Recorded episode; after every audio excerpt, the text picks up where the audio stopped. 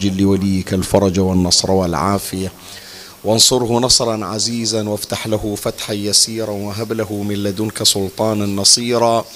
رب اشرح لي صدري ويسر لي أمري واحلل عقدة من لساني يفقه قولي. يا كاشف الكرب عن وجه أخيه الحسين. اكشف كربي بجاه أخيك الحسين. نادي عليا مظهر العجائب. تجده عونا لك في النوائب. كل هم وغم سينجلي بولايتك يا علي. يا علي يا علي يا أبا الغوث أغثني. يا فارس الحجاز أدركني بلطفك الخفي ولا تهلكني. يا مولاتي يا فاطمة بنت محمد أغيثيني يا سيدتي. صلى الله عليك يا سيدي ويا مولاي يا رسول الله. صلى الله عليك وعلى آلك الطاهرين فاز من اعتصم بكم. وامنا من لجأ إليكم يا ليتنا كنا معكم سادتي. فنفوز فوزا عظيما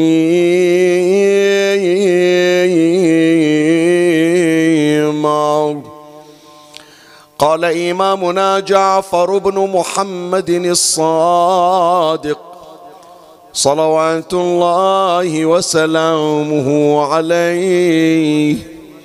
حين نزل برسول الله صلى الله عليه وآله الأمر نزلت الوصية من عند الله. كتابا مسجلا نزل به جبرائيل مع أمناء الله تبارك وتعالى من الملائكة.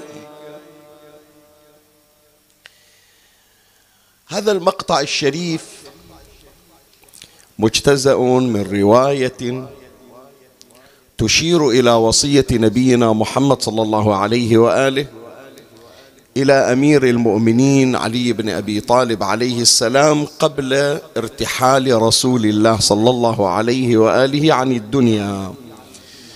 كانت هناك مجموعة من الوصايا أوصى بها النبي صلى الله عليه وآله أمير المؤمنين عليه السلام.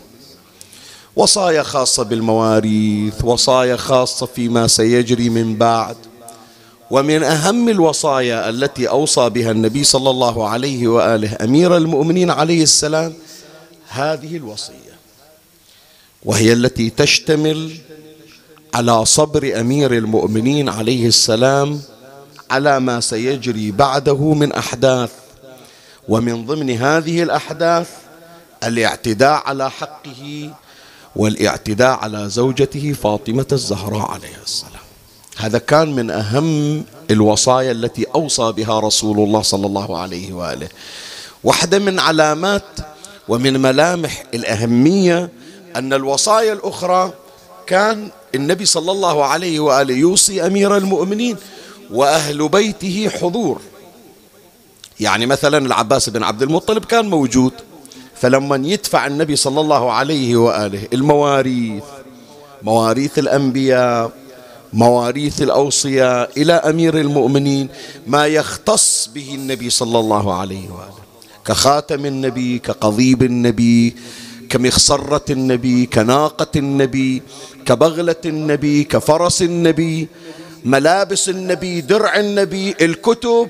هذا موجود حضور لكن هذه الوصية الخاصة النبي صلى الله عليه وآله أخرج كل من كان موجود بما فيهم فاطمة والحسن والحسين.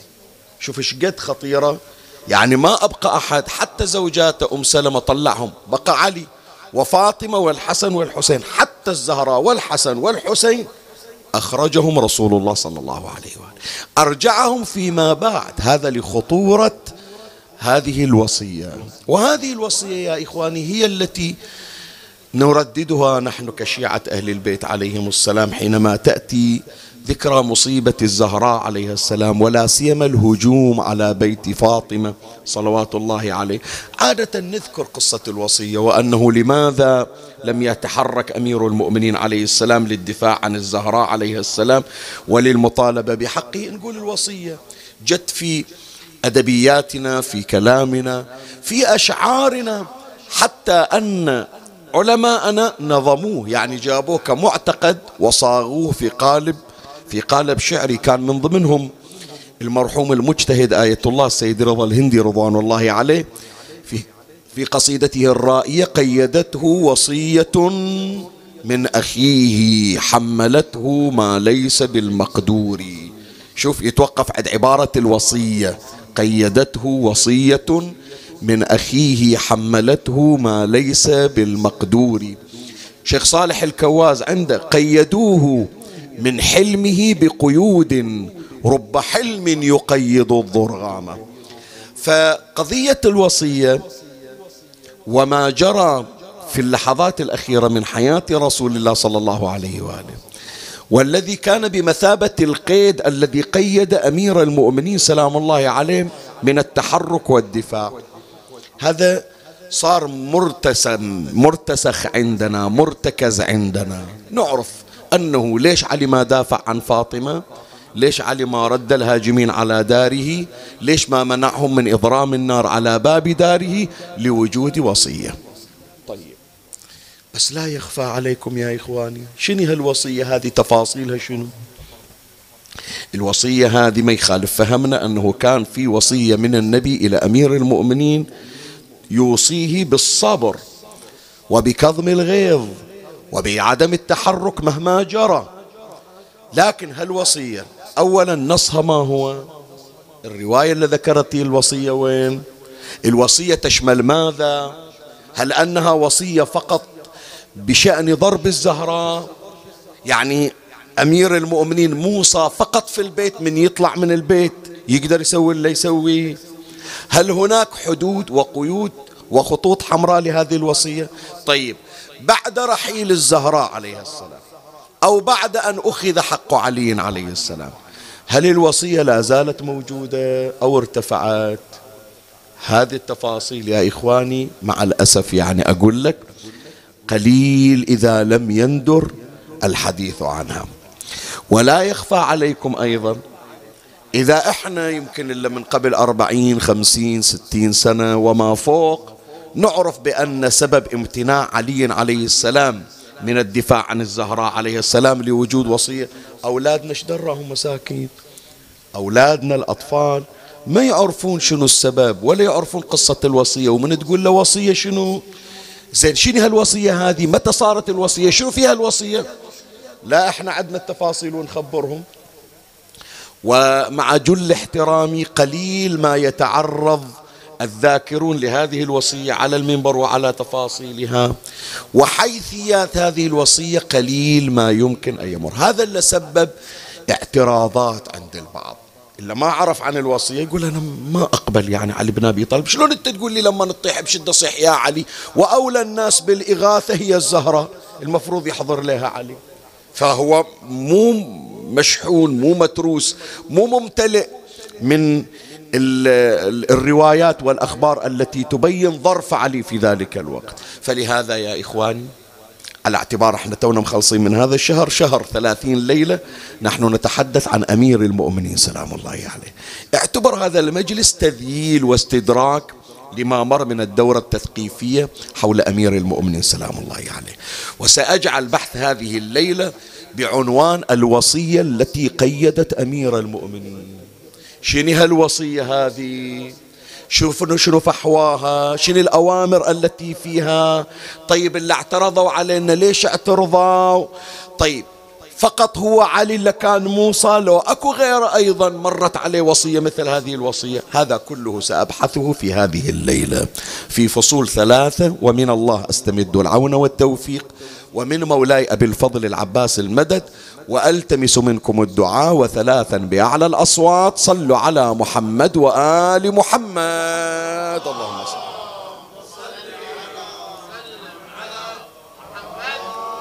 اللهم صل على محمد وآل محمد. اللهم صل على محمد وآل محمد. اللهم صل على محمد.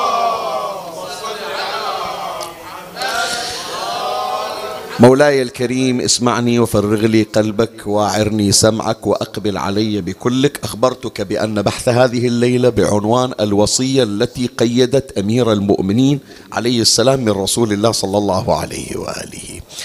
وأما الفصل الأول أشير إلى هذه الوصية.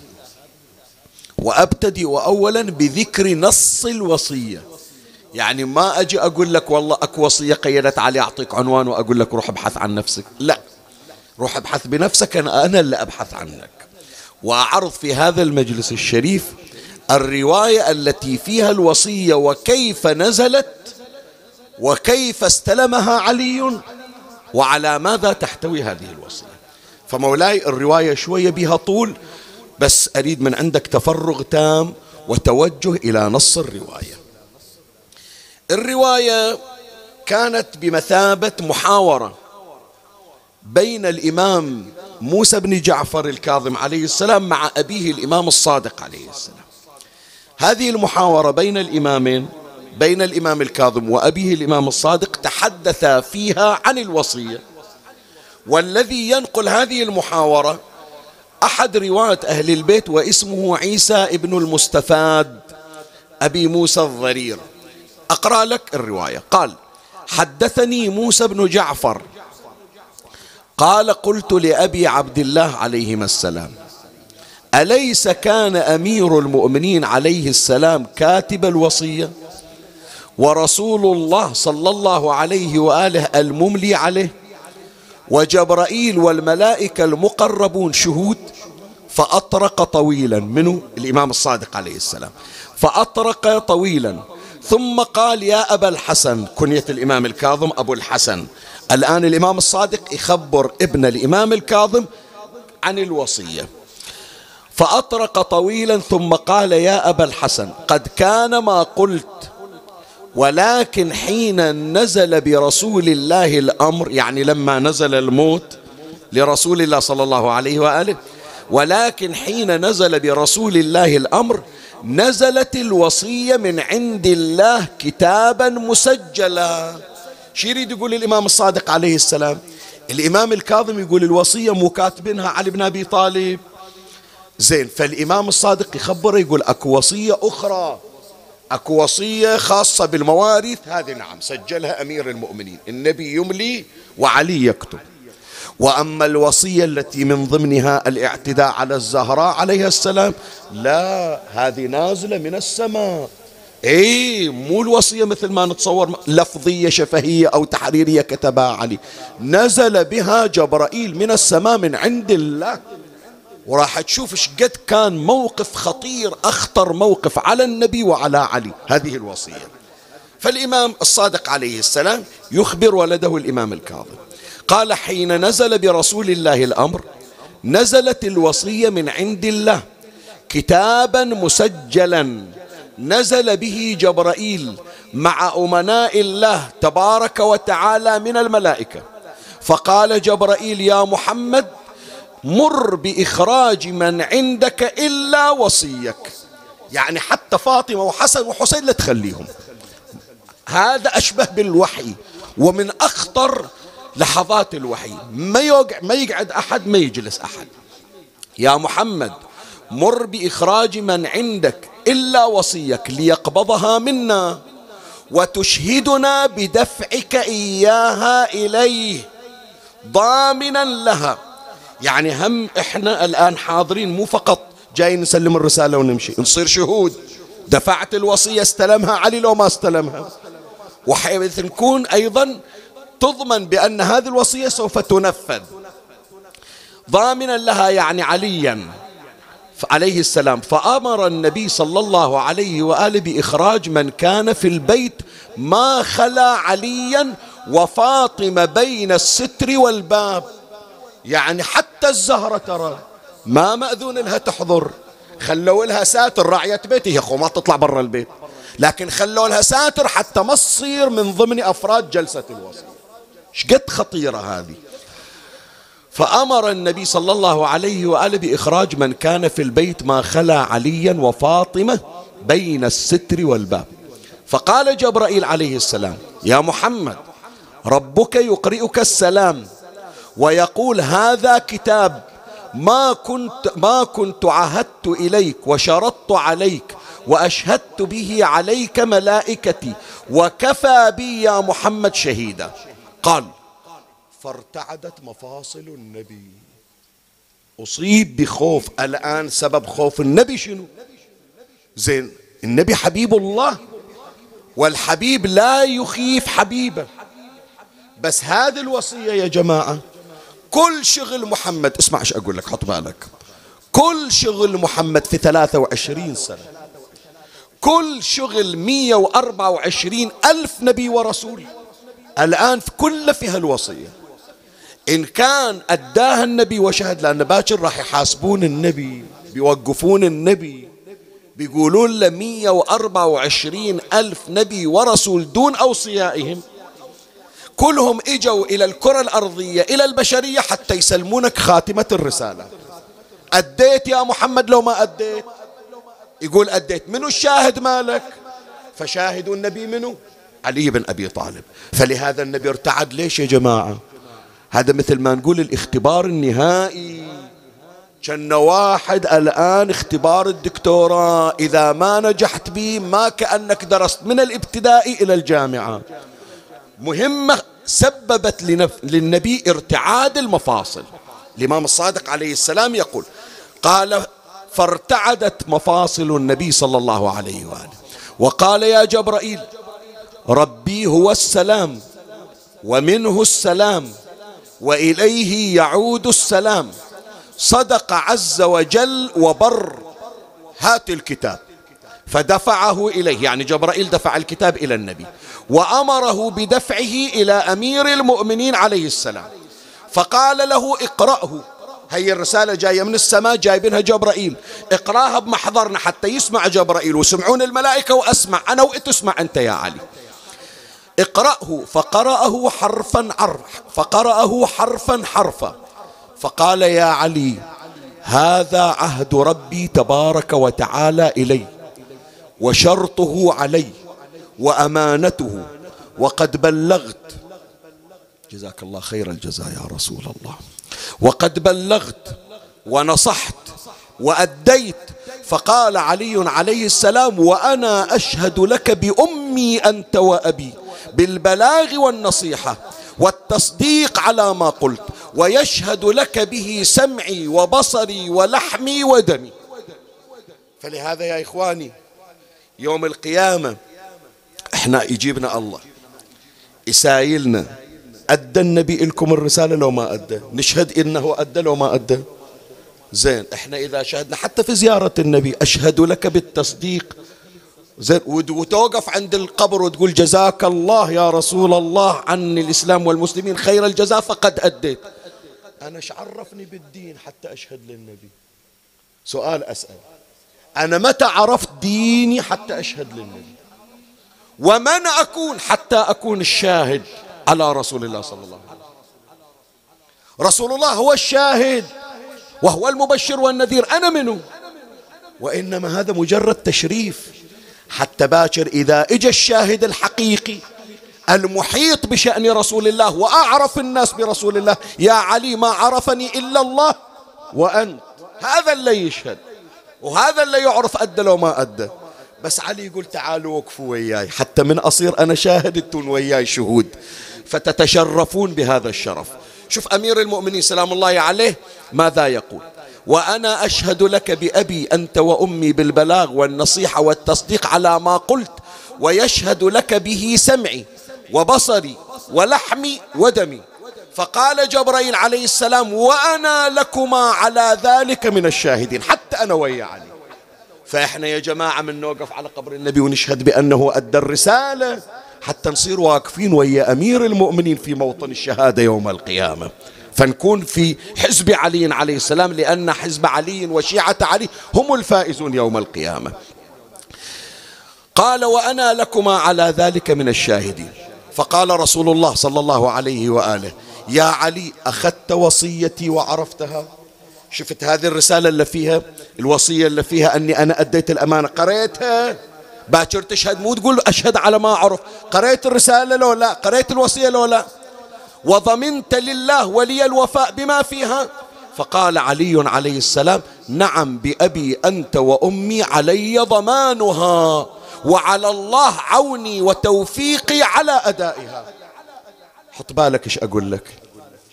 يعني باكر يوم القيامة إذا جابوا النبي وقالوا له الرسالة أديتها لو ما أديتها؟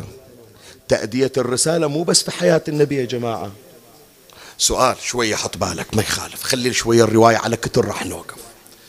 انت إن شاء الله على بالك تأدية الرسالة بس هالثلاثة وعشرين سنة اللي عاشها النبي. أنا الآن في سنة 2022 يسايلني الله. أدى لك محمد الدين لو ما أداه وراء 1400 سنة جاب لك محمد رسالة لو ما جابها إليك هي 1400 سنة. أقول وصلت يا ربي وصلت بالسلامة. منو اللي وصلها؟ رد علي. فكر وجاوب. منو اللي وصلها؟ النبي فارق الحياة.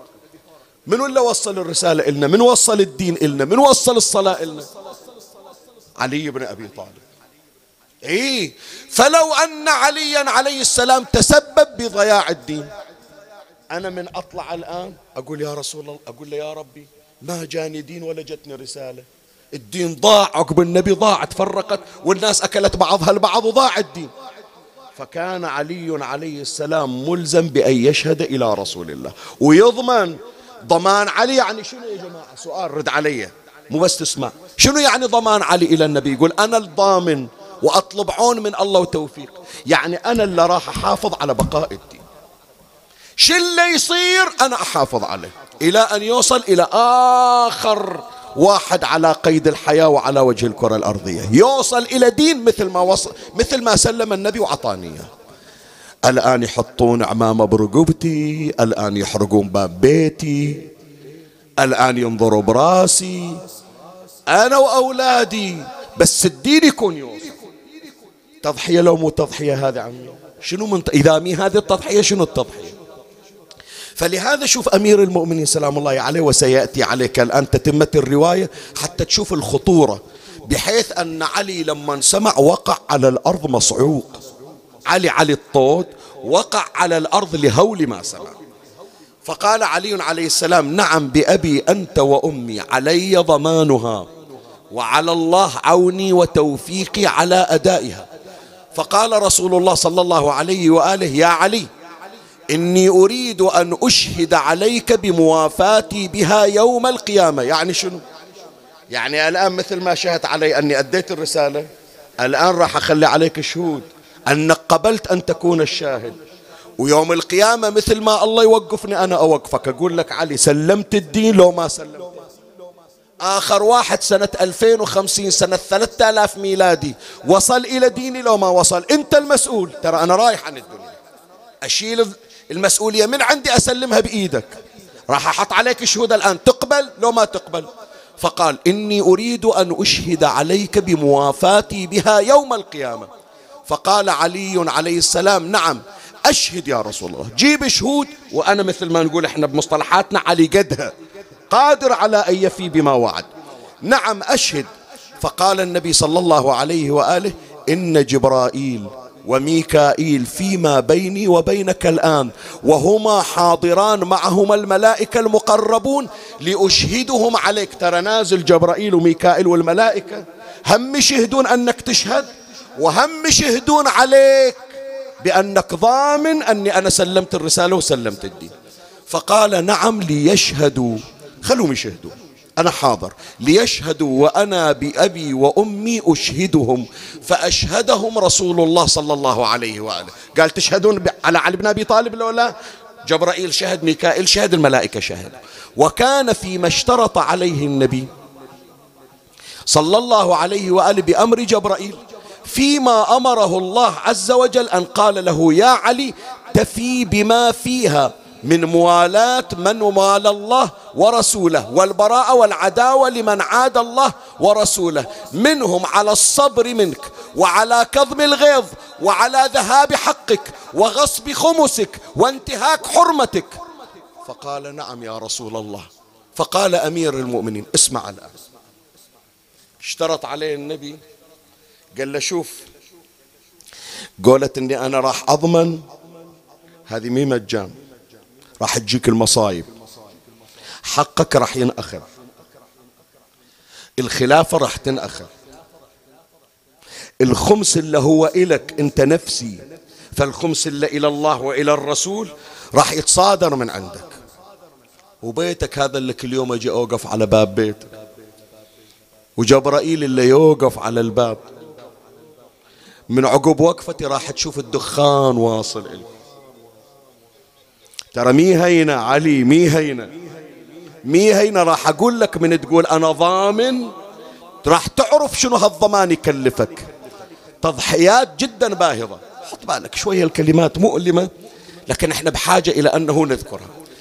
فقال وكان فيما اشترط عليه النبي صلى الله عليه وآله بأمر جبرائيل فيما أمره الله عز وجل أن قال له يا علي تفي بما فيها من موالاه من والى الله ورسوله والبراء والعداوة لمن عاد الله ورسوله والبراء منهم على الصبر منك وعلى كظم الغيظ وعلى ذهاب حقك وغصب خمسك وانتهاك حرمتك.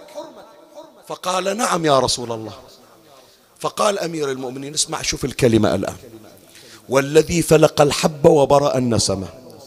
لقد سمعت جبرائيل يقول للنبي صلى الله عليه وآله يا محمد عرفه أنه ينتهك الحرمة. قول له من الآن ترى خبر ترى الباب ينكسر.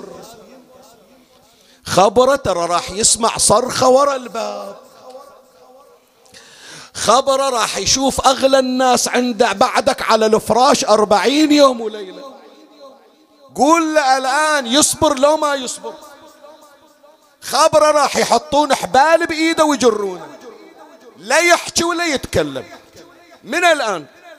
قال فقال أمير المؤمنين والذي فلق الحب وبرأ النسمة لقد سمعت جبرائيل يقول للنبي صلى الله عليه وآله يا محمد عرفه أنه ينتهك الحرمة وهي حرمة الله وحرمة رسول الله صلى الله عليه وآله وعلى أن تخ وعلى أن تخضب لحيته من رأسه بدم عبيط ترى بتستمر الوصية مو يوم يومين إلى أن يطلع من الدنيا والوصية لازم يعمل بها وعلى أن تخضب لحيته من رأسه بدم عبيط فقال أمير المؤمنين عليه السلام فصعقت حين فهمت الكلمة. يعني طاح على, على الأرض. زين. فلهذا يا إخواني الآن راح أرجعك ورا شوية. عشرين أو عشر خمسة عشر ليلة ورا أرجعك. لما خرج أمير المؤمنين سلام الله عليه من بيت الحوراء زينب إلى المسجد ليلة 19 وخرج الحسن معه. وقال له أنا أمشي وياك. أنا أروح وياك وراح أشوف منو يوصل إليك. شي يقول لأمير المؤمنين؟ بحقي عليك إلا ما رجع. إيه ترجع. ولا أريد أحد وياي. لازم السيف ينزل على راسي. أنا مو مع مو عاجز إني أنا أدافع عن نفسي. مو عجزان. هذا شو يسوى هو عبد الرحمن؟ شو يسوى شبيبي بن بجرة شو يسوى وردان بن مجالد شو يسوى الدنيا كلها شنو هي؟ أنا مو محتاج. لكن وصية لازم أنفذها. لازم يجي ويضرب راسي. ولا أغير مكاني. لو قال علي الليلة ما راح أصلي بالمسجد. لو قال علي الليلة راح أصلي في البيت. لو قال علي ما يخالف الليلة أودي واحد مكاني. لو قال علي راح ألتفت. لو قال علي أكثر من هذا. غير مر على عبد الرحمن وشاف السيف. لو قال راح أخذ السيف من عنده. أجرده من السلاح. لو قال خلي واحد يجي يلقي القبض على عبد الرحمن بن ملجم. لا يكون عطل علي الوصية. الوصية لابد أن يضرب رأس علي. ولا بد أن يفتح المجال للضرب على رأسه. وإلا علي يبقى كل الأمور تتعطل. لابد من إظهار. فلهذا ليش أول شرط اشترط النبي؟ الولاية يكون تظهر البراءة يكون تطلع. البراء اللي هم أعداء فاطمة ومتخفين لازم يصدر أمر ولازم يخرج فعل الذي يكشف من هم أعداء علي ومن هم أعداء فاطمة. ولا بد يا جماعة يصدر من الأمر ما يبين من وقف مع أزمة فاطمة وهو سلمان وأبو ذر وعمار والمقدار وإلا ما ينعرف عمي من غير ما تضرب الزهراء ما ينعرف من المحب ومن المبغض. من غير ما ينزل السيف على راس علي ما يصيح جبرائيل قتله أشقل. ما ندري عنه يمكن نترحم على عبد الرحمن بن ملجم إلى الآن. لابد لعلي عليه السلام أن يضرب بالسيف على رأسه ولا بد لفاطمة أن يكسر ضلعها. ولا بد من هذا كله حتى الفرعين من فروع الدين البراءة والولاية يكون نعرف منو اللي أدى الولاية ومنو الذي نتبرأ منه شوف إيش قد أهل البيت ضحوا على حسابنا. حتى أنت تكمل فروع الدين العشرة والفرع التاسع والفرع العاشر التولي لأولياء الله والتبري من أعداء الله. أنا كم مرة قايلينها وأكرر عليها. لو ما عدنا كعبة يا جماعة نعرف نصلي. لو ما عدنا شهر رمضان نعرف نصوم. لو ما عدنا مكة نعرف نحج. سؤال أسأل نعرف لولا الكعبة عدنا قبلة؟ لولا رمضان عدنا صوم رمضان. كل هذه لازم من شيء حتى نؤدي الفرض. فلا بد من شخص يضرب فاطمة حتى نتبرأ منه. ولا بد من شخص يقف مع علي وهو سلمان حتى نتولاه ونتقرب إلى الله بولايته. وإن كلف هذا أهل البيت شططا وإن كلفهم العناء. أقرأ لك تتمة الرواية. قال فصعقت حين فهمت الكلمة من الأمين جبرائيل عليه السلام حتى سقطت على وجهي. وقلت نعم قبلت ورضيت. خلها تنضرب قدامي بعد شو تسوي؟ خلي يحطون الحبال برقبتي ويجرون. الدين راح يبقى بعد شو؟ شغل 124 ألف نبي و23 سنة دايسين على رسول الله بالنعل.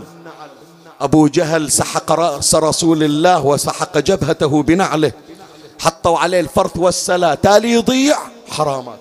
خلها غير فاطمة غير علي غير حسن وحسين وإحنا جايين لشنو غير الدين؟ هذا من أجل الدين. قال نعم قبلت ورضيت وإن انتهكت الحرمة وعطلت السنن ومزق الكتاب وهدمت الكعبة وخضبت لحيتي من رأسي بدم عبيط صابرا محتسبا أبدا حتى أقدم عليك. قال خل أم حسين تشيل الستار. اللي قاعدة ورا الستارة. خلت ترفع الستار وتجي. خلصت وياك علي الآن هم خلي يجوا لأن إلي شغل وياهم. قال ثم دعا رسول الله صلى الله عليه وآله فاطمة والحسن والحسين فأعلمهم مثل ما أعلم أمير المؤمنين. قال ترى أنا ويا علي متفقين والملائكة حاضرين بعدهم ويانا أنتم ما تشوفون. هالشكل راح يمر عليكم وهالشكل علي راح يصبر. توافقون لو لا؟ فقالوا مثل قوله فختمت الوصية بخواتيم من ذهب لم تمسه لم تمسه النار ودفعت إلى أمير المؤمنين عليه السلام. فقلت لأبي الحسن الآن الراوي عيسى بن المستفاد يسأل الكاظم بأبي أنت وأمي ألا تذكر ما كان في الوصية؟ الوصية هذه المختومة تدري إيش مكتوب فيها؟ فقال سنن الله وسنن رسوله صلى الله عليه وآله. قال أنا أدري سنن الله وسنن رسوله ما تضيع. بس بعرف ضربة فاطمة فيها المسمار فيها الضلع المكسور فيها الحبل الأسود والعمامة اللي بعنق جدك فيها. لو لا لو هي إجت عرضا.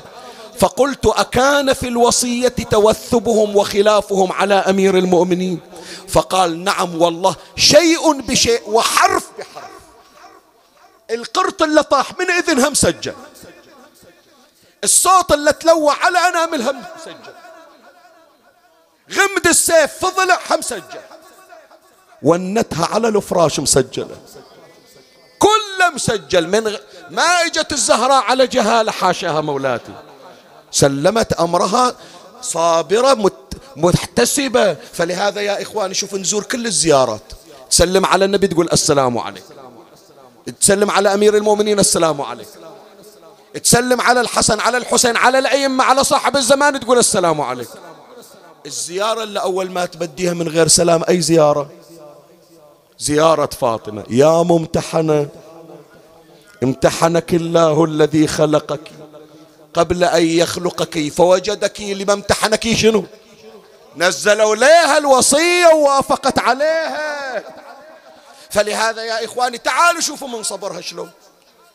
رفعت طرفها إلى السماء تدعو أبدا. حسن وحسين إلا طلعهم النبي في المباهلة ولا نزل العذاب من هما بالدعاء. كان قالوا من ندعو لأبونا ولا أمنا؟ لا عليهم وصية. مثل ما على أمهم وأبوهم وعلى وعلى جدهم وصايا. عليهم وصايا. فلهذا الزهرة من تسمع أنها قالت أضع رأس أضع يدي على مقنعتي من قالت والله لئن لم تدعوا إلي علي بن أبي طالب لأنشرن شعري ولا أضعن يدي على رأسي ولا أنشرن قميص أبي رسول الله فما ناقة صالح بأكرم على الله مني ولا الفصيل بأكرم على الله من ولدي حسن وحسين. تقول كل شيء قتل علي الدين يبقى ببقاء علي إذا راح علي يعني راح الدين. هذا مو في الوصية الآن أدعو عليكم. ما دعيت عليكم والمسمار في صدري.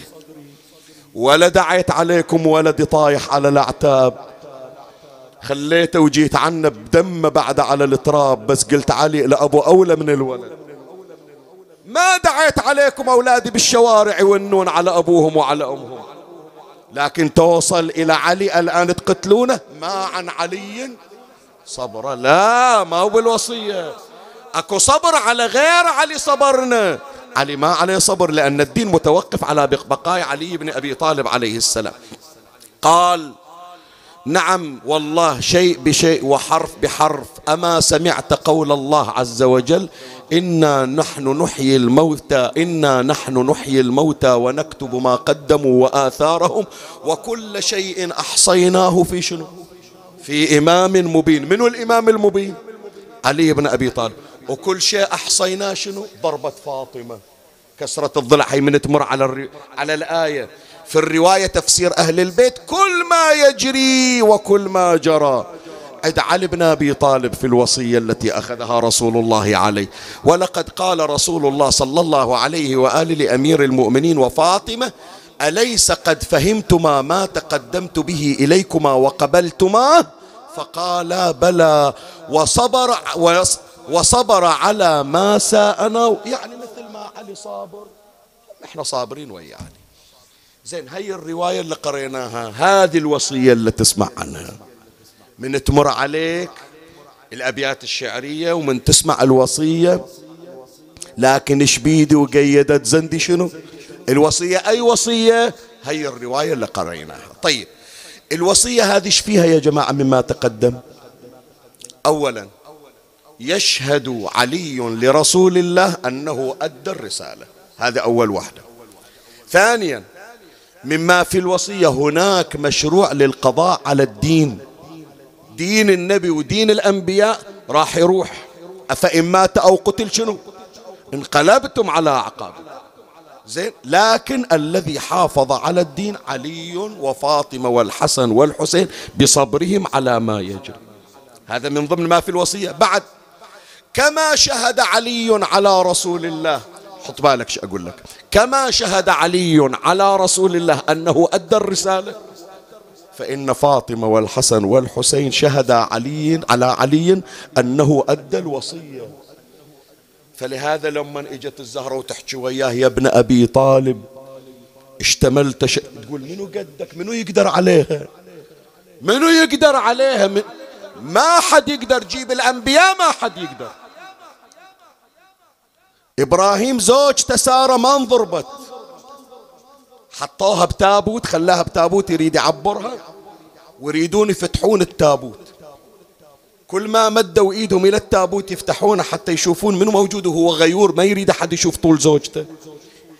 من يمدون إيدهم إلى التابوت؟ يحرك وجهه ما يقدر يشوف. يقول كل شله زوجتي أم الأنبياء أم إسحاق أم يعقوب أم يوسف ما يقبل أحد يشوف طولها. يور يفر وجهه يدير وجهه. وكرامة لغيرة إبراهيم ما وصلت يد إلى التابوت. لا والله. من غيرته ما وصلت يد إلى التابوت. ما انضربت سارة. ولا أحد لطمها. ومع ذلك منع الله الأيدي أن تصل إلى تابوت. فيه سارة. سارة عمي خادمة فاطمة تدري لو لا؟ سارة تقول لخديجة جلنا لنقبل منك فاطمة. الخدامة ما وصلت لها إيد. والمخدومة خمسة أصابع على عينها. الخدامة زوجها يندار ما يقدر يشوف واحد شاف طولها. والمخدومة يقول تقول استقبلني بوجه تقول يقول استقبلتني فاطمة بوجه أعشى بصري نور شوف إيش قد صبر أهل البيت عليهم السلام. فكما شهد علي على رسول الله بأداء الرسالة شهدت فاطمة والحسن والحسين على علي بأداء الوصية. بعد كما صبر علي. عمي من تسمع الوصية حطها هذه في بالك الليلة احفرها بقلبك. كما صبر علي وأدى الوصية. صبرت فاطمة وصبر الحسن والحسين. عمي مو شوية ولد يشوف أمة تنضرب قدامه. لا والله مو شوية. عمي ذول النصارى إجوا إلى النبي في المباهلة غضب الحسن. على حساب جدة جايين تتحدون جدي أرفع العمامة من على راسه حسين غضب على طلعة جدة غضبان. هم أن يرفع العمامة من على رأسه. زين هذه أمهم طالعة. ودعوتهم مستجابة. ليش ما دعوا الله؟ لا نصبر. فكما صبر علي صبرت زوجته وأولاده. هذا الفصل الأول. من بحثنا ذكرت لك الوصية ما هي وذكرت لك دلالاتها. طيب يجون الناس الآن في الفصل الثاني عارضون. سريعا في خمس دقائق ننهي حديثنا. ما يقبلون تقول أكو وصية؟ ما يقبلون. ما يقبلون ليش يا جماعة؟ إما متهكم. حط بالك احفظها هذه الكلمات. إما متهكم أو مستفهم أو مستعظم. المتهكم يسخر من الشيعة ومن عقيدة الشيعة ومن ألم الشيعة اللي بقلوبهم. فيجي يقول لك علي بن أبي طالب قال باب خيبر تالي يشوف زوجته تنضرب ولا يدافع عنها. اسمع الشيعة شو يقولون. يقولون علي ما عنده غيرة. يقولون علي صار جبان. شاف زوجته تنضرب ما حد يقبل حتى الضعيف حتى الجبان إذا شاف زوجته تنضرب يدافع عنها إلا علي. الشيعة يقولون علي جبان ما عنده غيرة. علي صاحب القدرة الخارقة علي صاحب البطولات. هذا هو مو حبا في علي. لا مو حبا في علي. لكن شي يسوي؟ يجيب هذا الإشكال ويحرك المشاعر. ليش؟ حتى ينكر قضية الهجوم على الدار. ليش ينكر قضية الهجوم؟ حتى لا حد يسأل من الذي دخل دار علي؟ من الذي ضرب فاطمة؟ من الذي قاد علي؟ فيقول سد الباب. شلون أسده؟ قال ما يصير علي قالع الباب تالي ما يدافع عن زوجته. فهذا لما يجي يحط الإشكال لا حبا في علي ولا حبا في فاطمة وإنما تهكم على صبر علي وعلى ضرب الزهرة. هذا المتهكم. أكو واحد مستفهم. ما عنده مشكلة بس يقول أنا أريد أفهم شلون علي في ذاك الموقف في خيبر؟ عندها القدرة القدرة وين راحت؟ ما يخالف. أوقف يا علي وسد الباب حط الباب. الإيد اللي خليتها على باب خيبر حطها أيضا على باب بيتك حتى ما حد يفتح الباب. ولا تخلي أحد يوصل؟ يستفهم شنو السبب؟ قلنا أن هناك وصية. أكو واحد يا جماعة يدري بأنه علي موسى مو ما يدري. بس يقول ما أقدر أسمع عنه. هذا أولا فاطمة ما أقدر أسمع عنها مضروبة. وثاني شيء علي بن أبي طالب ما أتخيل حبال برقبته ويجرون. فيقول أنا مو منكر مو منكر مو منكر للرواية. وإنما أنا شنو؟ مستكثرينها مستعظمينها لعظمة مقام فاطمة ولعظمة مقام علي. يبقى الفصل الثالث دقيقتين. مو أكثر من هذا حتى نختم حديثنا.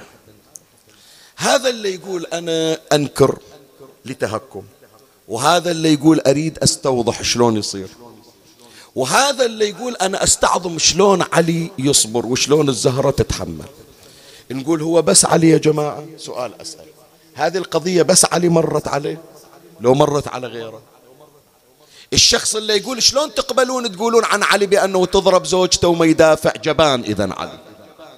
أو صار ضعيف ما عنده قدرة. وطلع كل اللي تقولونه بأن علي قالع الباب وأن علي صاحب البطولات كله كذب بكذب. إلا ما يدافع عن زوجته ما يقدر يدخل معركة. زين كيف نرد؟ أولا يا إخواني انسى علي انسى النبي وما تنساه. لكن أقول إنسى الموضوع الآن. تعال إلى رجل عرف بالغيرة وهو نبي من الأنبياء. موسى ابن عمران مو رجل غيور؟ مو انتصر إلى واحد من شيعته؟ على واحد من عدوانه؟ بس استنجد به صح يا موسى أنا من أتبعك لحق علي راح يقتلوني لكزه لكزه ومات صحيح لو لا؟ سؤال أسأل أيهما أشد على موسى حرمة ومقام؟ إلا من شيعته لو أمة. منو الأغلى؟ زين سؤال أسأل منو الأغلى على قلب الولد؟ الزوجة أو الأم؟ رد علي أريد أسأل. الأم أغلى؟ طيب. آسية بنت مزاحم زوجة فرعون. هذه أم موسى. صح من هي اللي أنجبته لكن منو اللي رباه منو اللي أخذ بعد طفل مو آسي يعني أم لموسى. فرعون عذب آسيا ركز أيد يديها ورجليها بالمسامير ومشطها بأمشاط الحديد وصب الدهن والرصاص في بدنها بحيث تعذيب مو طبيعي. وموسى يا جماعة يوم اللي عذبوا أمه وين التعذيب؟ مو في القصر مو في السجن في الشارع الناس تشوف. موسى موجود لو مو موجود. الروايات موجودة تقول نعم كان متواجدا. وإذا مر موسى وشاف أمه على الأرض وهي تعذب حكي ما تقدر تحكي. في الرواية هالشكل تحرك بس صبعها تقول دخيلك موسى خلصني. لا تحسبني أم أنا مو أمك. أنا سويت هذا ال... ما... تتح... إذا هو جميل إذا هو فضل أنت ما تعتبره بكيفك. بس لا تنسى موسى يوم من الأيام أنت بالتابوت. الأمواج تضربك يمين وش ما حد شالك غيري. فرعون يريد يقتلك يبقر بطون الحبالة. ما حد طف نار نار فرعون غيري. أحاذر عليك وأدير بالي عليك. انسى هذا كله. لا تقول أمك ولا تقول واحدة أنقذت حياته ودافعت عنه. احسبني واحدة من جماعتك من شيعتك. هذا واحد من شيعتك بس صرخ يا موسى وقفت تدافع عنه. لا تقول أمي لا تقول واحدة دافعت عني ولا أنقذت حياتي. تأشر بإصبعها. بس فكني خلصني ما قادرة. هو يقول لها أمه اصبري أمه اصبري أمه اصبري. ارفعي رأسك إلى السماء رفعت رأسها إلى السماء نظرت إلى بيتها قالت رب ابن لي عندك بيتا في الجنة ونجني من فرعون وعمله ونجني من القوم الظالمين. زين يلي خلصت واحد من شيعتك. دي خلصها خلصها هذه اعتبرها لا تعتبرها أم اعتبرها واحدة عادية. زين انت بعصاتك ضربت البحر وشقيته نصفين وتالي فتحت 12 طريق بضربة واحدة من العصا. اضرب فرعون بعصاتك خليه يخلص أمك. أحد يقول موسى جبان؟ سؤال أسأل. موسى صار جبان ذيك الساعة؟ موسى فقد الغيرة ذيك الساعة؟ إذا الجواب شنو؟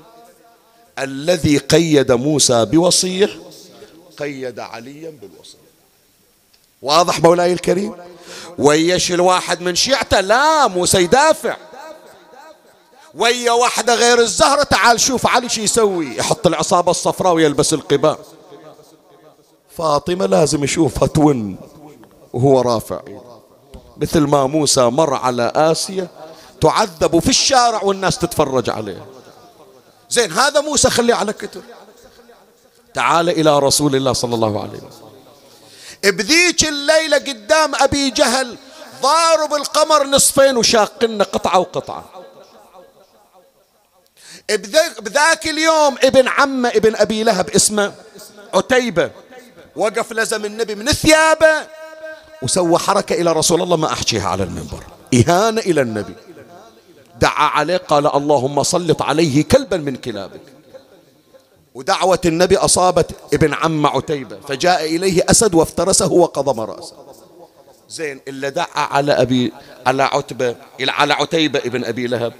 ولا شق القمر يمر على سمية بنت خياط أم عمار بن ياسر. تدري شو يسوي أبو جهل؟ في تعذيبها؟ ياخذ الرمح بخاصرتها. بصدرها بقلبها حتى قتلها غرزا بالرماح. زين اللي شق القمر ما يقدر يشق أبا جهل؟ لا يوقف. تقول له يا, يا رسول الله دخيلك ما إحنا قادرين نصبر. هذا زوجي شيبة حاطين الحجر على صدره وأنا امرأة عجوزة في الشارع ويعذبوني. مثل ما شقيت القمر دون خلصنا من عندهم شي يصيح النبي؟ صبرا آل ياسر إن موعدكم الجنة. شنو صبرا دوقف دافع عنهم. أوقف دافع عنهم. لا مأمور بالصبر. لازم أصبر. فالوصية التي قيدت موسى ومحمد قيدت منه قيدت علي بن أبي طالب. زين خلصت ويا علي؟ وذاك اللي شاف عماته تضرب بالسياط. وذاك اللي شاف بناته يتراكضن من خيمة إلى خيمة. أحد يقول زين العابدين كان جبانا في تلك الساعة. سؤال أسأل أحد يقول زين العابدين ما عنده غير ذيك الساعة حاشا سادتي. لكن الذي قيد جده علي هو الذي قيد الحفيد في كربلاء.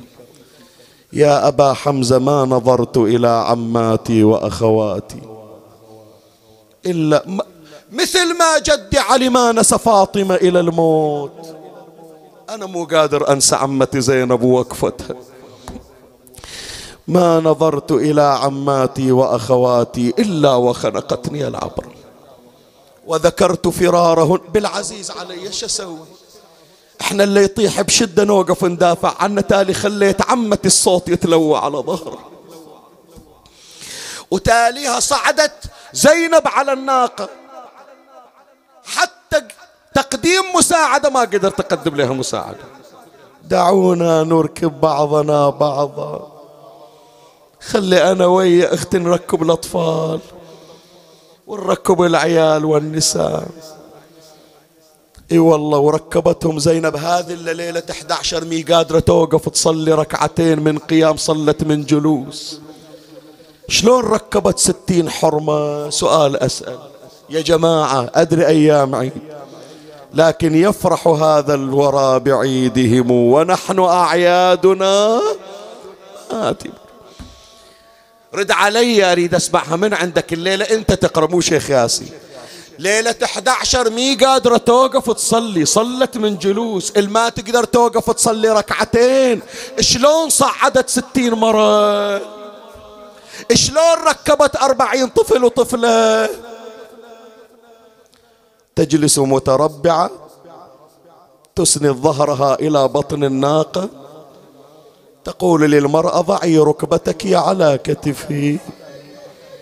وأم كلثوم تأخذ بإيد العلوية وتصعد وستين مرة صعدت على كتف زينب. وثوروا النياق ومشت النياق. وإذا الصوت من الحادي مروا بهن على مصارع القتلى قصدا وعنادا. ولاد اثنين عندها مثل القمار على التراب وأكو شباب مثل الوردة الدنيا كلها أظلمت من نور وجهه. ما احتاجت لا إلى شمس ولا إلى قمر احتاجت إلى غرة وجهه. ملفوف ببردة ومقطعة أوصاله. هذا على اليمين. وذاك على الشمال. إلا جنازة واحدة مقلوبة على وجه. الأجساد عليها هدوم إلا هالجنازة. سلبوها عم. أوصالها مطشرة يمين وشمال. الليلة الليلة سامحني أكو أبيات يمكن صار لها ثمانين سنة يقرونها أهل البحرين. وانهجرت بعد صار ما حد يقراها. الليلة أريد أرجع إلى قبل ثمانين سنة شلون يقرون أهل البحر؟ كان لسان حال مولاتي زينب. تقول للحادي تقول له كلهم مريت بينا عليهم. كلهم الجنايز مريت بينا عليهم. لا ظل طفل رضيع لا ظل ولد شباب. إلا مرينا 72 جنازة مرينا عليها. مروا دخيل الله على ذاك اللي دق على صدره من سلم عليه.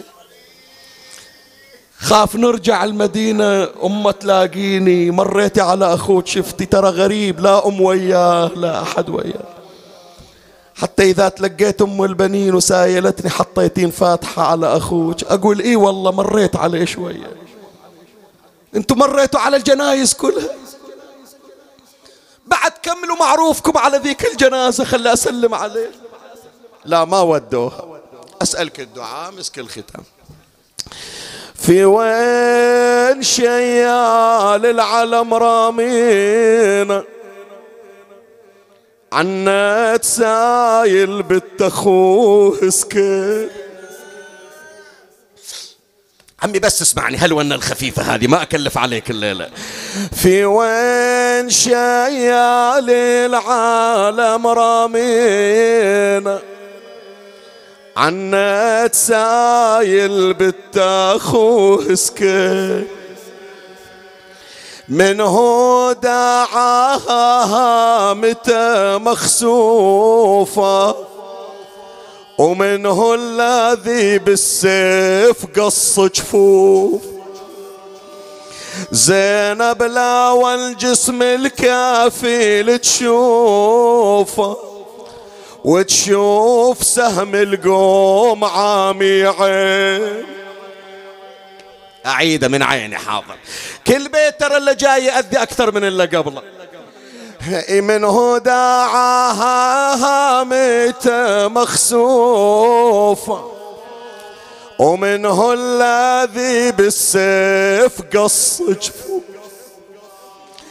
زينب لا والجسم العزيز تشوفه طالعني وتشوف سهم القوم عامي عين أويلي نادت على العباس ما جاوبها ولا سأل منه الذي ركب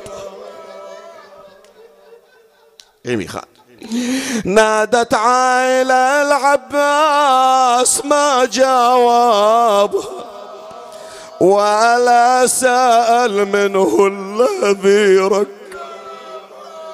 ولا سأل مصاب الذي ذوابها ولا سأل عن العزيز اسكي نسان أبو فاضل تاليها نسان. البيت هذا قاسي عليك إذا يأذيك. سكتني ما أكمله اسمع زينب شو تقول؟ لما الناقة وقفت عن سوقها يجيها العدو يرمي الذي فوقها. قصد الظالم يستمع منطوقها. لا من تصيح بصوت وش سوينا؟ ويلي عشاق زينب اسمع شو أقول لك. قال هد سكتي لا يطول لسانك. ونادي على أهلك مع فرسانك. بشوف يا زينب من اللي عانت اسمعني. وقصر الإمارة لازم الدخلين. نادي قال هدي سكتي لا يطول لسانك. ونادي على أهلك مع فرسان ناديها لك بشوف من هو عانك. اقرأ وياي هالبيت. وقصر الإمارة لازم الدخلين قصر أقبل شمر يصفق على زينب جفوفه. يقلها يا زينب بشري بدخلة الكوف وإن كان شخصك بالأمس ما حاد يشوفه لازم يشوفونك على ناقة حني. راح العز يا زينب راح. طلعي يا زينب للسبا من العز بسك انت الذي يقولون ما حد سمع حسك زينب! والله لذلك لما تعوفين نفسك. زينب قوم اركب الناقة وخلي جثة حسين قالها على السجاد يا عم شجاني حالك وأنا ما أقدر أتحرك من مكاني. قالت يا نور العين عتب على زماني اللي على الكرار أبوها شلون تنضاب؟ قم يا علي فما هذا القعود؟ وما عهدي تغض على الاقذار أجفانا علي يا علي وانهض لعلك من أسر أضر بنا يا يا تفكنا وتولى. دفن قتلانا لا يذبح الكيبش حتى يروى من ظمئين ويذبح ابن رسول الله.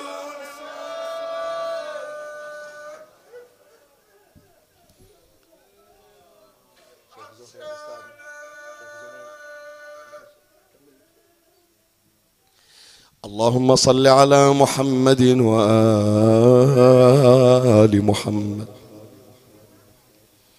يا أسمع السامعين يا أبصر الناظرين يا أكرم الأكرمين ارحمنا برحمتك يا أرحم الراحمين. عجل اللهم فرج إمامنا صاحب العصر والزمان. شرفنا برؤيته وارزقنا شرف خدمته. ترحم على أمواتي وأموات الباذلين والسامعين والمؤمنين والمؤسسين. أوصل لهم جميعا ثواب هذا المجلس الشريف. وبلغهم ثواب سورة الفاتحة تسبقها صلوات.